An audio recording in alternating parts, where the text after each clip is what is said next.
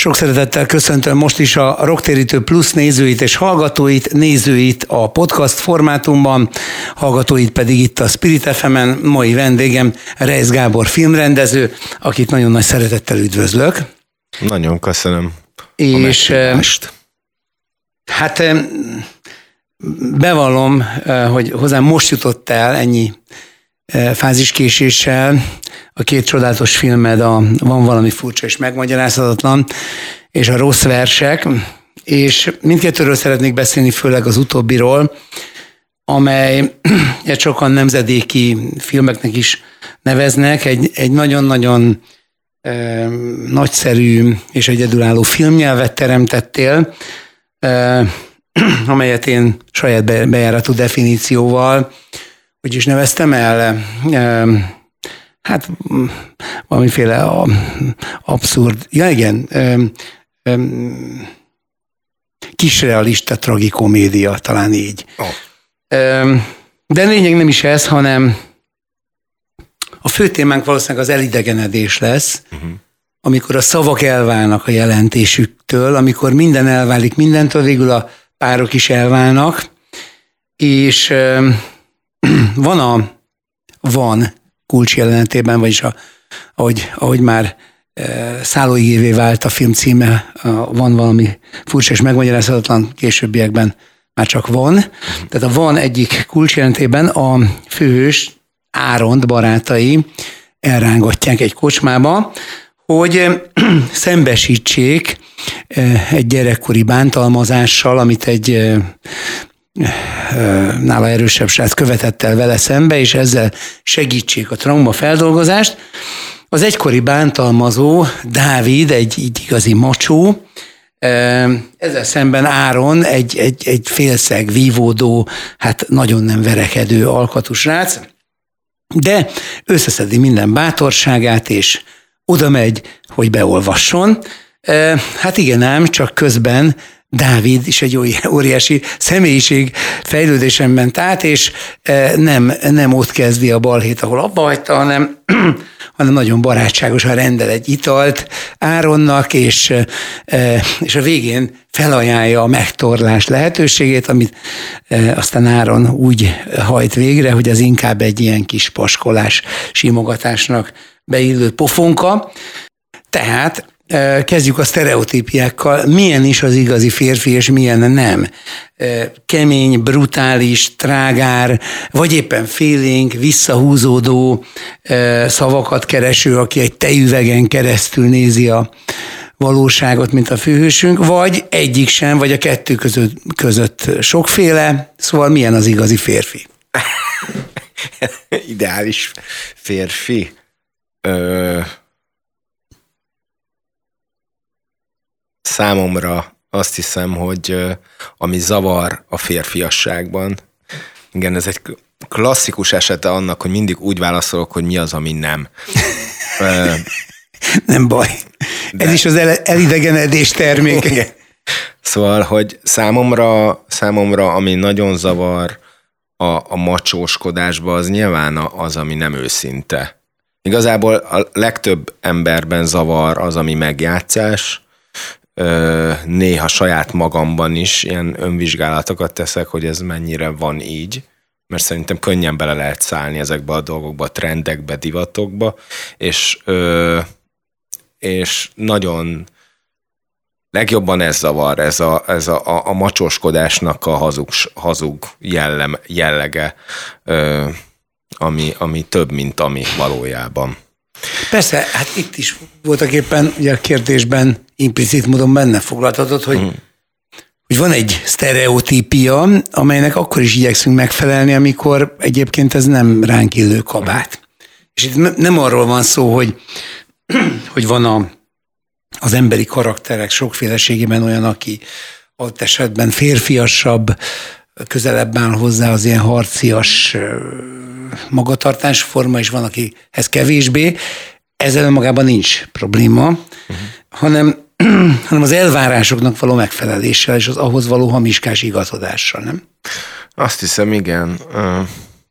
Persze hozzáteszem, hogy Van egy, van egy nagyon pici félre, azt hisz, hát, hogy félreértése vagy sem, hogyha ennyi ember félreérti, akkor abban lehet valami.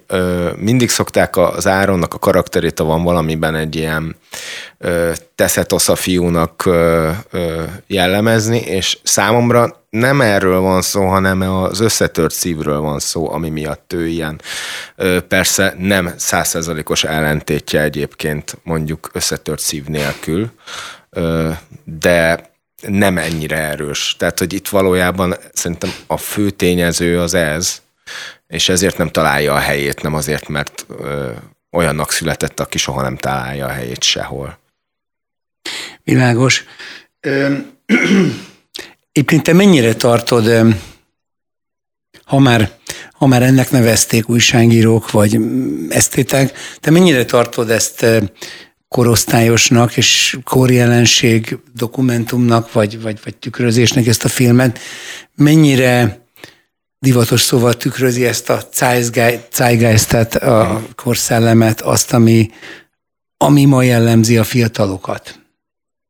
Ezen akkor sem, meg most is nehezen tudok gondolkodni. Egyszerűen azt hiszem, hogy volt, volt egy olyan dolog, ami, ami kifejezetten irritált engem, a, a, nem a fiatalokban, hanem úgy magában az a jelenség, hogy fiatalokról, 20-as, 30-as korosztályról nincs semmi, és én abba éltem akkor, hm. és hogy valahogy a nem, nem, nem, soha nem érzem azt, hogy kivek a moziból, és, és lát, tartom magunkat. Nem is, nem is csak egyébként a generációról. Azt hiszem, hogy a, ez direkt véletlenül sem mondok se filmeket, se alkotókat, de volt egy olyan időszaka szerintem a magyar filmek, ezt most már kevésbé érezni, noha ma is van nagyon sok olyan magyar film, amiben, amit egyszerűen, egyszerűen nem, nem érzem azt, hogy, hogy ebből az országból inspirálódott volna a szerző, legyen az az író, rendező. Szóval még akkor is, hogyha magyar nevek és magyarul beszélnek, se a problémákat nem érzem eléggé karakterileg önazonosnak, se maga a szerzői szándékot. És, e, és ez engem valahogyan zavar. Tehát, hogy én azt érzem, hogy, hogy a, a most ezek ilyen nem, nem előre megfogalmazott elvek, de hogy valamennyire a művészetnek ezt szolgálnia kell visszafele a társadalom felé, ahonnan ő inspirálódik. És hogyha ez a dolog ez csak egyirányú, akkor, akkor ez egy kicsit megakad számomra. Én ezt teljesen értem, és, és és érzem is, hogy miről beszélsz, de azért ezt, ezt mégsem lehet ilyen teljességigényűnek gondolni, amit mondasz, hiszen hiszen a magyar valóság is nagyon sok rétegből áll, és hogyha most csak egy néhány klasszikust idézek, és nyilván itt korban is nagyon eltérő dolgokról beszélek, akár a nagy klasszikus, a nagy öregekről, Fábriról, vagy Makkárolyról, vagy, vagy, vagy, vagy Szabó Istvánról, uh-huh. vagy pedig mondjuk az elmúlt éveknek a nagy rendezőiről, a Mundrocó Kornéről, a Nemes Jelesről, meg a, most nem akarok senkit kihagyni, tehát mindenkit kihagyok, csak egy-egy párat említek. E, de a lényeg, hogy nagyon sok csodálatos. Szóval itt azért, azért nagyon sokféle dologról beszélünk, amikor és ja, azt... nem, én, én abszolút a, én a jelenkor, a jelenkorról, be, tehát e, ezért is lett egy kicsit ez a címe, mert eredetileg csak annyi lett volna a címe, hogy valami furcsa és megmagyarázhatatlan okból kifolyólag, az is egy rövid cím lett volna, és aztán oda került a van, mert egyrészt éreztük a dolognak az aktualit társát és a súlyát ilyen tekintetben, és, és kifejezetten, most amire gondoltam, az kifejezetten a jelenkor, az ak, most már Akkori múltkor. jelenkor. Igen, sok minden azért annyira nem változott, tehát, hogy, hogy, hogy, néz ki, hogy néz ki egy, egy középosztálybeli családnak a, a, a hétvégéje, hogy, tehát, hogy hogy néz ki Budapest, a város, ahol, ahol ö, ezek az emberek élnek. Tehát ö, én nagyon olyan filmet szerettem volna csinálni, hogyha az ember kijön és felszáll a villamosra, akkor ö, a hazafele eszébe jut a film, és nem azért, mert mit tudom én, valami sztori annyira megmaradt, hanem a villamosról eszébe jut, hogy a filmen is azt látta. Tehát... Hát igen, erre majd még, ha jut időnk, szeretnék kitérni, hogy mindesetre talán a, a Marvel univerzum ellenpontja tulajdonképpen te vagy ezzel a, ezzel a kis realizmussal, tehát itt azért minden hiányzik, ami, ami, ami, ami idegen, meseszerű és irreális. De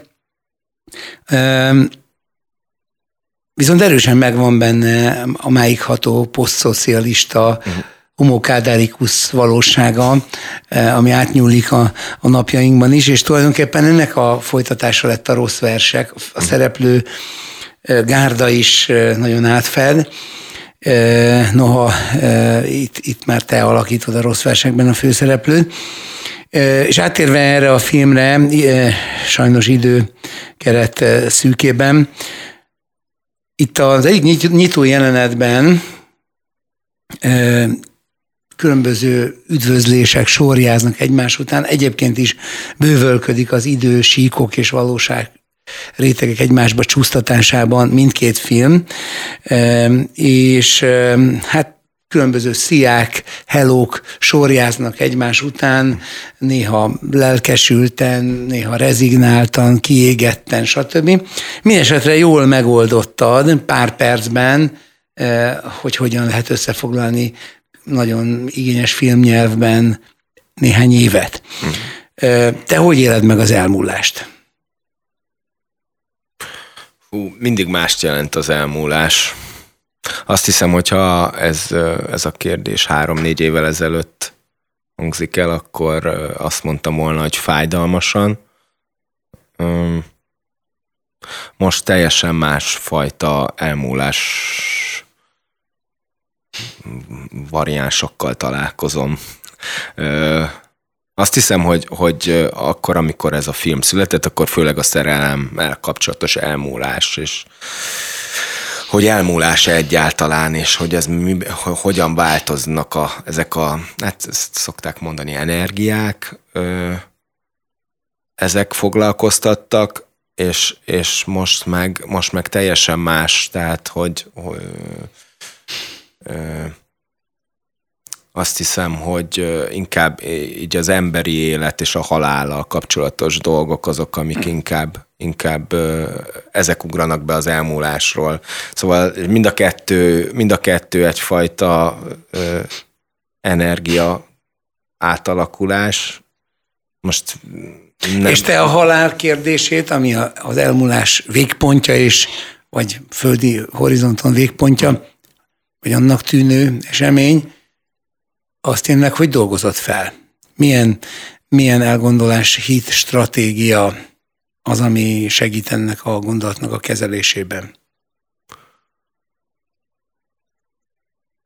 Az a baj, hogy én egy ilyen sport, sport életből jövő fazon vagyok, aki a stratégia szó hallatára egyből lát egy ilyen izé, táblát maga előtt. Jó, akkor rossz volt az nem, nem, szóval nem, milyen... nem, teljesen értető volt, ettől függetlenül csak automatikusan ez ugrik be. Jó, akkor milyen, szóval, szóval a szíved milyen irányba nyúl, amikor arra gondolsz, hogy egyszer, legalábbis földi értelemben nem leszel?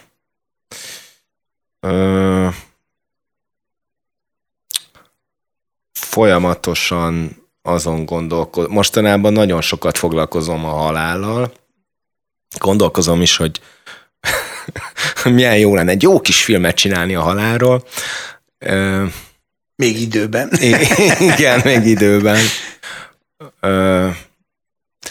Egyelőre azt hiszem pontosan azért, mert nehéz erre válaszolni. Tehát, hogy, hogy, hogy engem most ez azért érdekel, mert, mert nem nagyon tudok még mit kezdeni vele igazából a szerelemmel kapcsolatos lét, vagy elmúlás, vagy feldolgozás egy szakításnak pontosan azért érdekelt, mert nem, a, a, a van valaminél azt hiszem, hogy nem, az egy olyan időszakban született, amikor ezen már bizonyos értelemben elkezdtem túl lenni. A rossz verseknél viszont egy az egybe benne voltam egy nagyon mély depresszióba, szerelmi csalódás a következtében, és emiatt az, az, az máshogyan is alakult számomra és, és azért is akartam arról beszélni.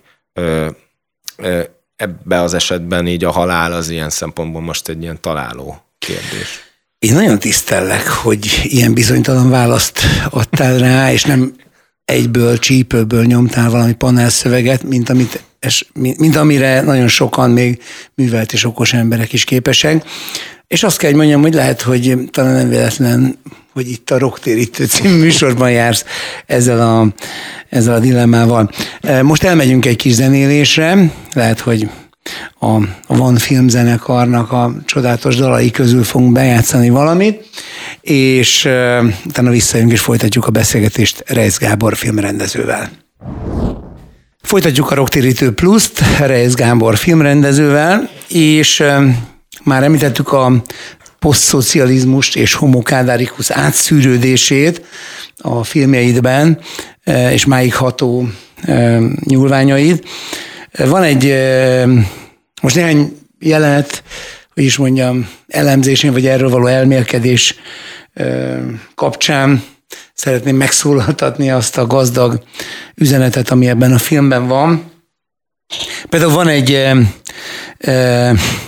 kiválóan castingolt tanárnő, aki már-már ilyen szúróan, szúrósan piros bluesban jelenik meg. Engem a, a Kraftwerk együttes korai e, e, dresszkódjára emlékeztet, és, e, és valóban megjelenik egy ilyen Kraftwerk-szerű zene, és arra lépdel, hát ne, ne, nem éppen a történelem szép fejezeteit idézve ezzel, és az elnyomás szimbólumaként, ugye jó kemény tanár, volt részünk ilyen tanárokban, meg kell hagyni. Aztán milyen érdekes, megint csak az idő múlása, őt ismeri fel egy esős este a Pesti utcán, a főhős, a, ő nem ismeri fel viszont a főhőst, majd pedig, mint egy idegen, zacskóval a fején távozik a jelenetből. Szerinted miért van permanens retróláz, és miért van még mindig ez a, ez a multiránti nosztalgia, amely, amely nagyon gyakran konkrétan abban is testet ölt, hogy amíg ma is hallani lehet, hogy hát azért a Kádár rendszer ezért volt jó, azért volt jó. Noha a kettő nem feltétlenül függ össze, tehát a retróláz és a Kádár nosztalgia. Hát a retrolázról általában azt érzem, hogy mm, múltkor, múltkor egy, egy adásban mondtam valamit, hogy, hogy nincs már új zene, meg ilyenek, és nagyon rosszul hangzott. Tehát, hogy az a vicc, hogy ahogy én akkor megfogalmaztam, gondoltam valamit, és ahogy visszahallottam, az borzasztóan lesújtó, de azt hiszem, hogy nincs ezzel semmi baj, de nagyon, azt hiszem, hogy a 2000-es évekre elért egy olyan pontot, mondjuk, de ez most főleg zenét jelent, uh-huh. de talán filmművészetet is jelent. Elért egy olyan pontot, ahol... ahol a kultúra, ahol már csak cirkulál és újra igen, feldolgozza. Igen, és, és elkezd, elkezd nagyon durván keveredni, ugye a zenébe ilyen, ilyen mix műf, műfajok persze. jöttek be, és mostanra, az elmúlt négy-öt évben azt látni, hogy nagyon újra ilyen tisztább zenék érkeznek.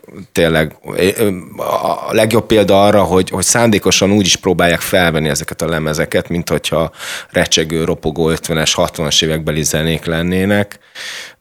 Azt hiszem, hogy, hogy ezek, ezek mindig tehát, hogy ezek ilyen folyamatok, amik, amik, amik egymás Mintázatok. után, igen, amik mindig, mindig egymást váltják, és most pont egy ilyen, ilyen ö, van, amik a 90-es években én nem is emlékszem arra, hogy de lehet, hogy rosszul emlékszem, hogy, hogy lett volna olyan őrületes retro tehát, hogy akkor a 80-as éveken röhögtünk. Hát volt egyébként.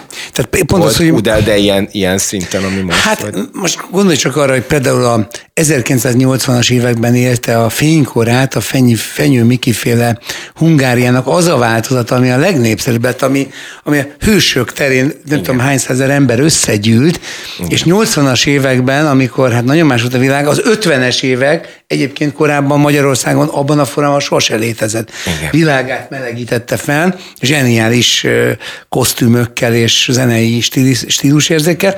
Na de ez is az volt, és nem egyedülálló, hát ott volt, mit tudom én, igen, de, de itt... Plastic Bertrand, vagy, itt vagy nem tudom. Ki. Nem tudom, hogy mennyire erős faktor az, hogy, hogy ezek a lemezeknek jelentős része nem jutott el Magyarországra, legalábbis olyan formában nem, hogy meg lehetett volna venni. Tehát, ö... Igen, az tény, hogy ahogy haladunk előre az időben, és ahogy a formai és tartalmi készletek kimerülni látszanak, egyre többször nyúlunk vissza a már hallott e, formavilághoz. Igen, Igen. Ez, ez egyetértek. De ami, ami egyébként a rossz versekben van e, ennél a jelenetnél, azt el kell mondanom, hogy, hogy a mi, nekünk volt egy vizuális, vizuális zenei hangbeli koncepciónk, hogy minden múltbéli jelenet az alapvetően egy valamilyen stilizációs koncepcióra lesz felhúzva, ami, amit leginkább az omázsok, vagy omázsok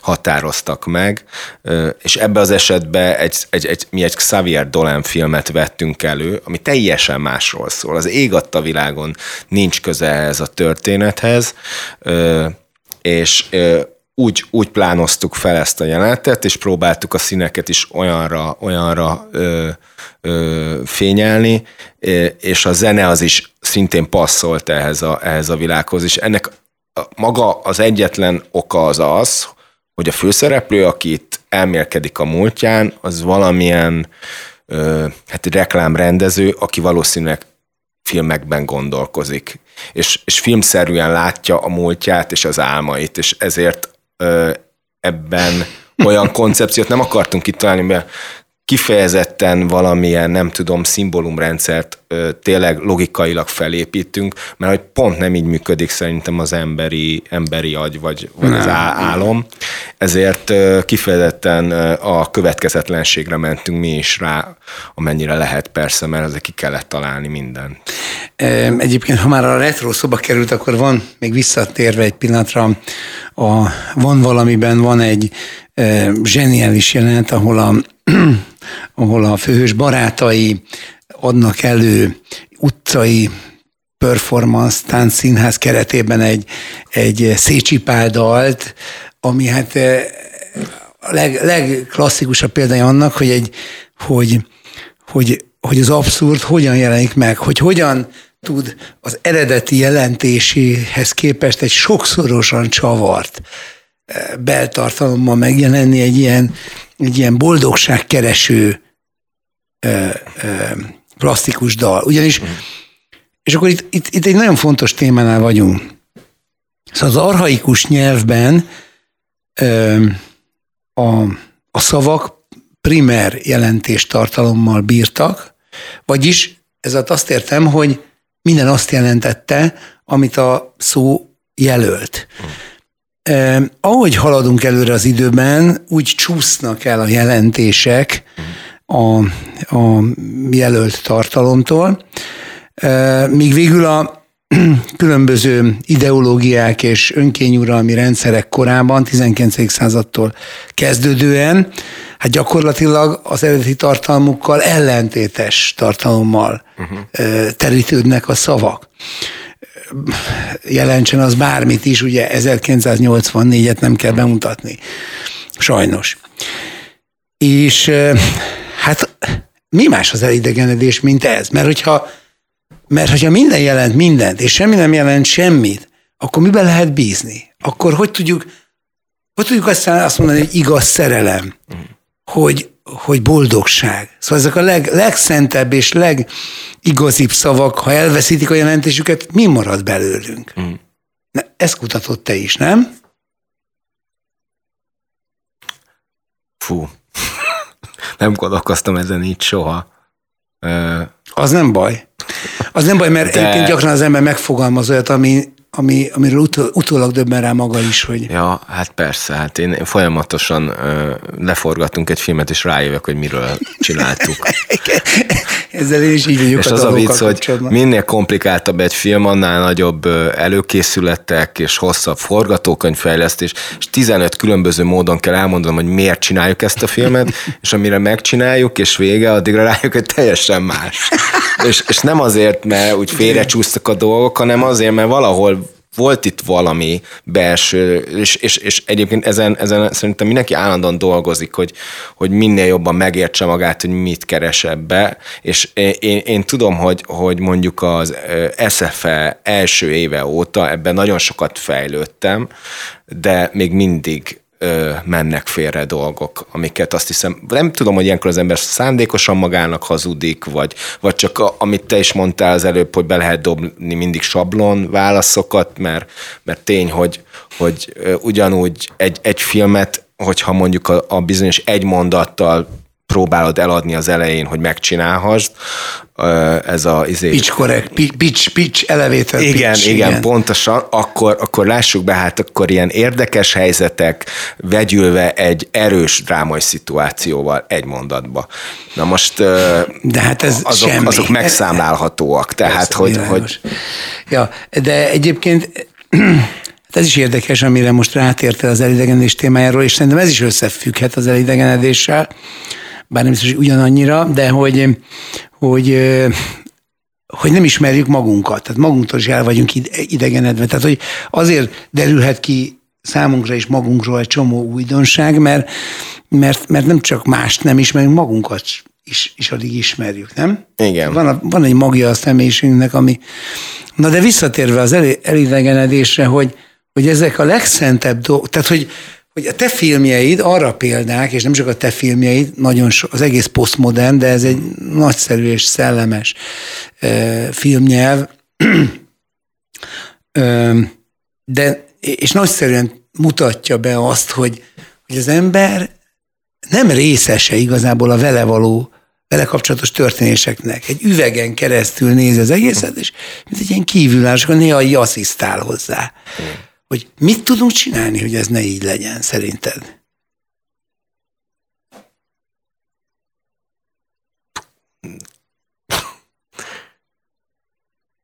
Nagyon nehéz kérdés. Nem tudom. Én azt tudom, azt tudom hogy ö, ma borzasztóan érzem, vagy inkább azt mondom, hogy éreztem magamat, mert nem csináltam úgy Isten igazán semmit. Az például nem jó. Tehát de néha, azon jó, kívül, néha hogy jó, de, de akkor jó, karácsonyi hogyha... vásárláson kívül tényleg nem, nincs egy, nincs egy sor, amit leírtam, nincs egy hang, nincs egy, még egy telefonbeszélgetésre volt a, mit tudom én, a Berkes Jújjal, a producer barátommal, bármi. Tehát, hogy... Jó, de most ezt csinálod például, igen, ez, ez de... nagyon is valami, de egyébként meg hagyd mondjam azt, hogy, hogy miért is olyan nagy baj ez? A, én ak- ak- akkor, vagy a, a, a létezésemnek akkor látom a, a, az értelmét, hogyha valami, valamit csinálok abból, amit úgy amikor, amikor az, a, az a bizonyos egy mondat, amit így meg kell magadnak fogalmazni, az, az, az kezd így formálódni. És Ez... amikor nem történik semmi, akkor az ember azt hiszi, hogy, nem, hogy az a bizonyos semmi, az nem formálódás, és nyilván az is az, mert, mert kellenek ezek a, ezek a szünetek, de... Igen, mert, mert én csak arra utalok, hogy tudod, van az, van az a Bibliában, hogy hat napon keresztül dolgozzál, aztán a hetedik napon pihenjél, és itt most nem is konkrétan a szombat, hogy is mondjam, időbeli, dátum és óra számbeli mm. megtartására gondolok, hanem, hanem egy átvittebb értelemben a pihenés szükségességére, mert hogy az egész korunk hihetetlenül elaprózott és eldologiasult, és, és nem pont ebből, a, ebből az állandó cselekvés kényszerből van szükségünk néha arra, hogy, hogy pontosan a semmit csináljuk. Mint ahogy egyébként te magad is megfogalmazod a vanban, hogy és akkor mit csinálsz Lisszabon? Semmit. És akkor, de nem, nem, nem, nem jó ez, hogy semmit. ennek biztos, hogy van más oka is. Tehát, hogy valószínűleg van egy ilyen megfelelési kényszer, valószínűleg van arról szó, hogy ö, az én az érettségi után egy ilyen négy évet eltöltöttem egy olyan egyetemen, ahova szerintem nem kellett volna mennem, mert egyáltalán nem az én pályám, az a TFS tesi tanáros előtörténetem, és hogy emiatt mindig azt érzem, hogy én le vagyok maradva. Le vagyok maradva, és hogy itt vagyok ennyi idősen, és nem csináltam még tíz filmet.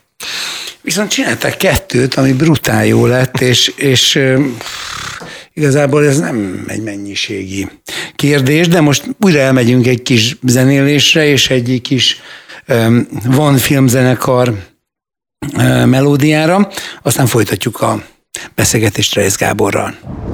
Folytatjuk a beszélgetést Reis Gáborral, és hát a különböző idősíkok és valóságrétegek egymásba csúszásáról már beszéltünk, hát ennek fantasztikus példája, amikor például a Kamasz szoba egy ilyen filmstúdióvá vonzsál, és egy, egy, egy barát, egy ilyen fejgépes versmondás keretében mondja az ifjúkori verseket, egyébként a rossz versek, a versírás, mint, mint szimbólum egy kiváló eleme a filmnek, hiszen a vers az, az, az a lírai énünk, és amikor ez nem valósul meg, és, és, és marketing menedzsert faragnak belünk, most semmi baj a marketing szakmával, vagy van, de mindegy, szóval ez már más kérdés, de, de azzal senki, nincs, semmi baj nincs, hogyha valaki ezt választja. Igen. Azzal van a baj, ha kényszerből választja, noha a bensejében nem ez volt. És minden erről szól ebben a filmben, a sors kisiklásáról, az eldologiasult követelményrendszerek és sztereotípiákba való beilleszkedési kényszerről, és azt mester ilyen vágod át ezekkel, hogy, a, hogy, a, hogy ott a fejgépen előadja totál abszurdan a ifjonti verseket, az egyik barát, vagy a, vagy a hálószobából beleugrasz a medencébe, és egyből vissza a gyerekkorodba is, vagy, vagy a e, csirke udvarrá válik a tornaterem, és közepén a metálgitárt nyúzza a szereplő. Majd az egésznek a végén e, a különböző korábbi énjeid megjelennek, és jól odavágnak neked, hogy miért, a, mi a francnak, mit keresel te itt a, a szlovák-német tolmácsolás nyelvi közegében egy olyan idegen világban, ami arról dönt, hogy a, legyen-e a képen a fagyasztott csirkemel, vagy ne legyen, te, aki nem ennek indultál. Szóval most hol tart a sorsod, és, és az vagy, aminek indultál, és hogy kezeled a elidegenedésnek ezeket a széles spektrumú rétegeit? Hú, most rengeteg dolog történt velem, és ö, azt hiszem, hogy, hogy pont most hallottam, mert ugye év vége van, hogy 2022 az minden idők legrosszabb éve, stb. stb. nekem, nekem hosszú idő után ez volt a leges legjobb évem. Mm.